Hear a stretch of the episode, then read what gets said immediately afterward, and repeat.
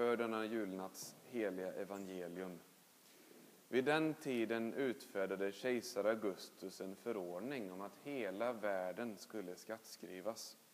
Det var den första skattskrivningen och den hölls när Quirinius var ståthållare i Syrien. Alla gick då för att skattskriva sig, var och en till sin stad. Och Josef, som genom sin härkomst hörde till Davids hus, begav sig från Nasaret i Galileen upp till Judeen, till Davids stad Betlehem, för att skattskriva sig tillsammans med Maria, sin trolovade, som väntade sitt barn. Medan de befann sig där var tiden inne för henne att föda, och hon födde sin son, den förstfödde. Hon lindade honom och lade honom i en krubba, eftersom det inte fanns plats för dem inne i härberget. I samma trakt låg några herdar ute och vaktade sin jord om natten. Då stod Herrens ängel framför dem, och Herrens härlighet lyste omkring dem, och de greps av stor förfäran. Men ängeln sa till dem, var inte rädda, jag bär bud till er om en stor glädje, en glädje för hela folket. Idag har en frälsare fötts åt er i Davids stad, han är Messias, Herren. Och detta är tecknet för er. Ni ska finna ett nyfött barn som är lindat och ligger i en krubba. Och plötsligt var där tillsammans med ängeln en stor himmelsk här som prisade Gud. Ära i höjden åt Gud och på jorden fred åt dem han har utvalt. När änglarna hade farit ifrån dem upp till himlen sa herdarna till varandra Låt oss gå in till Betlehem och se det som har hänt, vad som Herren har låtit oss veta. De skyndade iväg och fann Maria och Josef och det nyfödda barnet som låg i krubban. När de hade sett det berättade de vad som hade sagts till dem om detta barn. Alla som hörde det häpnade över vad herdarna sa. Maria tog allt detta till sitt hjärta och begrundade det. Och herdarna vände tillbaka och prisade och lovade Gud för vad de hade fått höra och se. Allt var så som det hade sagts dem. Så lyder det heliga evangeliet. Lovad vare du, Kristus.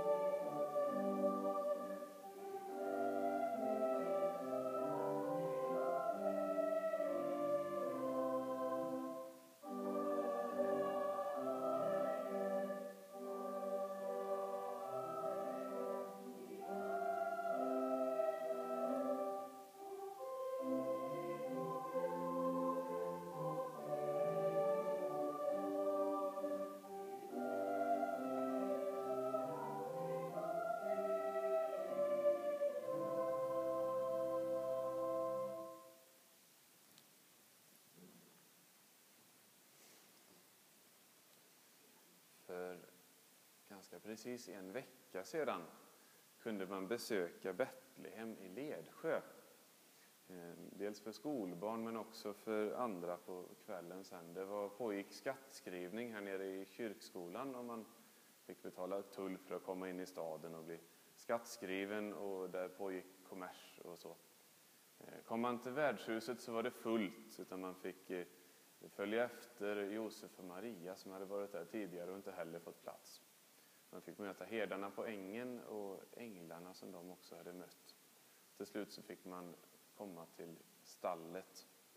Eh, och där inne i dunklet där stod en, kunde man känna lukten och kanske också ana rörelsen av åsnan och tjurarna som stod där och rörde på sig. Och där fanns också Josef och Maria och en krubba och barnet. Ehm, ehm, det kanske var, det blev levande när man gjorde det på det sättet, speciellt när man kanske fick vandra under månens eh, sken och stjärnglansen till stallet, eh, precis som det var en gång. Det var väldigt fint iordningställt av barn och vuxna här i, här i Ledsjö. Eh, man kan tänka mycket kring det som hände den här gången i Betlehem. Eh, när herdarna kom till stallet så gnuggade de sig säkert i ögonen och undrar vad det var de var med om. Det är en så välkänd berättelse för oss så vi kanske har slutat lyssna och slutat tänka när vi hör den. Eh, men herdarna de fick se det de hade fått beskrivet av änglarna att de skulle få se. Ett lindat barn som var Herren själv. Eh, och här, de var där bland några människor som var slitna och smutsiga och det, varit med om en förlossning. Men allt var som det hade beskrivits för dem, så det måste stämma. Eh, man kan tycka att det är märkligt att Betlehem kunde ligga i Ledsjö kanske, eh, och i förra veckan. Julen handlar ju, vet vi, om något som hände långt bort och för länge sedan. Men samtidigt är det något som precis lika gärna kunde ha hänt här och nu. Det var så för herdarna på ängen. Eh, det var lika oväntat för dem att det skulle dyka upp en änglakör med ett bud till dem som det skulle vara för oss idag. Det var ingenting som de gick och väntade sig och det var inget som hände stup i kvarten på deras tid heller. Det är svårt ibland att komma ihåg att Bibelns berättelser och Bibelns människor egentligen ofta är väldigt lika oss. Eh, speciellt kanske i julevangeliets väldigt välkända ord. Eh, herdarna de eh, kom direkt från sina får och sina vardagliga bekymmer. Det gör vi också överlag när vi samlas i kyrkan. Vi kommer från alla, alla möjliga bestyr i livet. Eh, för herdarna var inte Betlehem något exotiskt ställe, utan det var hemma och den välkända vardagen.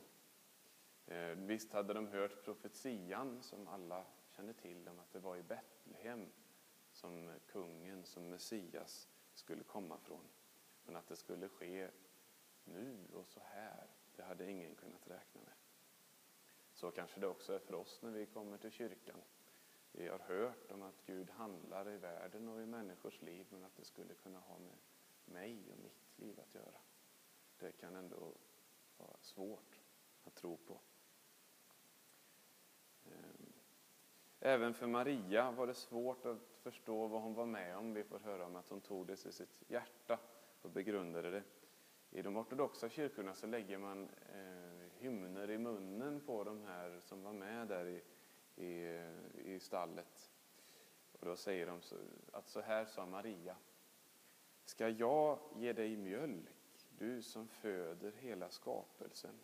Ska jag hålla dig i mina armar, du som uppehåller allt? Ska jag se utan fruktan på dig, inför vilken de mångögda keruberna inte vågar lyfta sin blick? Ehm, en som firade jul i Betlehem i den riktiga, riktiga staden Betlehem. Eh, det var en man på 300-400-talet någon gång. Eh, han hette Hieronymus, ett vackert namn Hieronymus. Och han eh, är känd som kyrkofader för eftervärlden. Han var mycket lärd och språkbegåvad man och han översatte Bibeln från grekiska till latin bland annat. Eh, men han var också en människa som du och jag med fel och brister. Jag tror att han var osams med nästan alla andra lärda teologer och hade farit i luven på, på de flesta. Eh, han kanske var en rätt jobbig person kan man också misstänka mellan raderna ibland. I alla fall den här Hieronymus, han flyttade flyttade till Betlehem och tyckte att om jag ändå ska sitta och översätta saker så kan jag vara här i närheten av de heliga platserna. Eh, så han flyttade till Betlehem och bodde där i närheten av herdarnas äng. Och där firade han också sina jular. Han har lämnat en väldigt märklig berättelse efter sig, denne man. Eh, om en julnatt som denna, när han sökte upp den plats där, som eh, traditionen pekar ut som Jesu födelseplats, där, Eh, där födelsekyrkan står idag. Och hur han eh, tyckte sig föra ett samtal med det lilla Jesusbarnet. Det var som att det här barnet blev så påtagligt och verkligt för honom när han var där, just det här tillfället, så han kunde tala med det på något sätt. Om det är dröm eller verklighet, det är svårt att avgöra, men så här står det skrivet med Hieronymus egna ord. Varje gång som jag betraktar denna plats har mitt hjärta ett djupt samtal med Jesusbarnet. Jag säger, ack Herre Jesus, så du darrar, så hårt du ligger för min salighets skull. Hur ska jag återgälda det? Då tycks det mig som om Jesusbarnet svarar. Käre Hieronymus, jag begär ingenting annat än att du sjunger Ära vare Gud i höjden. Jag kommer att vara ännu mer utblottad i ett semane och på det heliga korset. Jag säger vidare, eh, kära Jesusbarn, jag måste ge dig något. Jag vill ge dig alla mina pengar. Barnet svarar, himmel och jord är ju redan mina. Jag behöver ingenting. Giv det till de fattiga. Det vill jag ta emot som om det hade givits till mig själv. Jag fortsätter och säger, kära Jesusbarn, det gör jag gärna men jag måste också ge något åt dig personligen, annars kommer jag dö av smärta. Det lilla barnet svarar, Käre Hieronymus, eftersom du är så frikostig så ska jag säga vad du ska ge mig. Giv mig dina synder, ditt dåliga samvete och din fördömelse. Jag säger, vad ska du göra med det? Jesusbarnet säger, jag ska ta det på mina skuldror. Det ska vara mitt herradöme och min härliga gärning, så som Jesaja i forna tider har talat, att jag ska bära dina synder och bära bort dem. Då börjar jag gråta bittert och säger, lilla barn, kära lilla barn, så du har rört mitt hjärta. Jag tänkte att du ville ha något gott och istället vill du, allt, vill du ha allt det hos mig som är ont. Ta bort det som är mitt, ge mig det som är ditt. Så är jag fri från synden och viss om det eviga livet.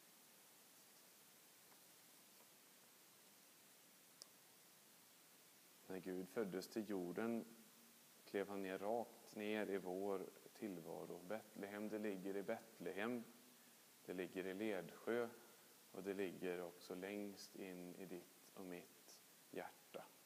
Dit Gud vill nå för att rädda också dig och mig och skapa nytt liv i mörkret.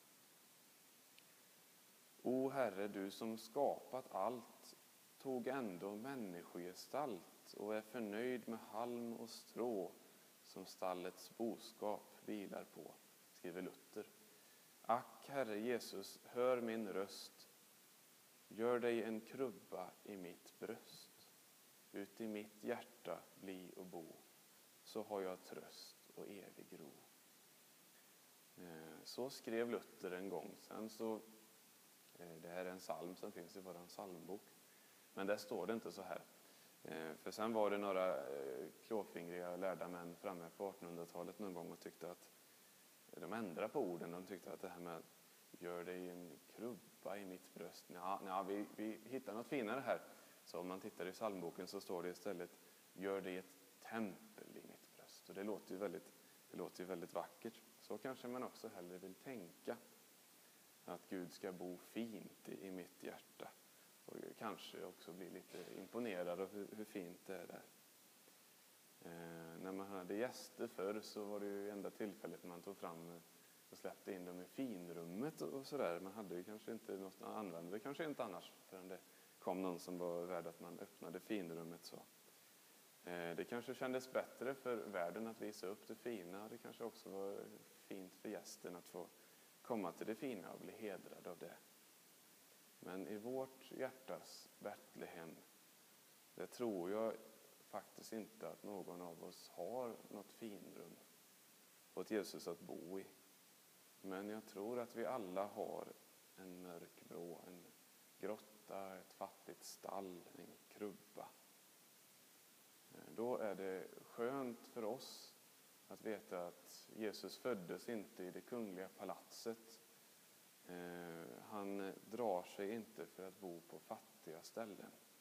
Han har gjort det förut, han vet hur det är ställt med oss.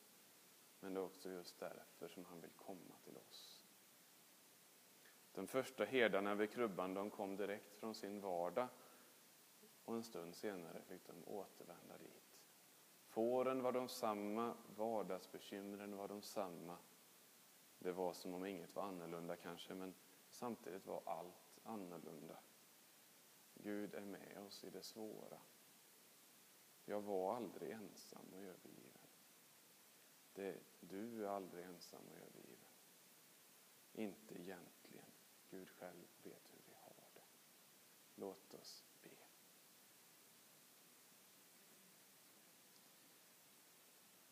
Kom Jesus, mitt hjärta är en tom krubba.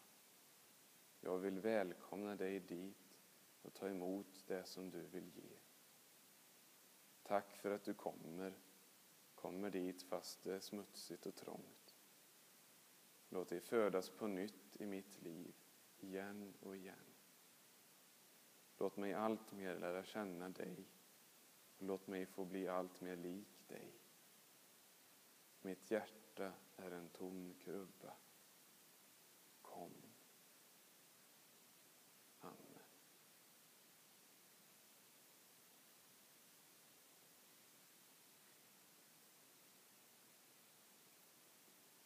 Vi får stå upp och stämma in i kyrkans trosbekännelse. Den finns nedskriven bak i psalmboken om man behöver ha den någonstans.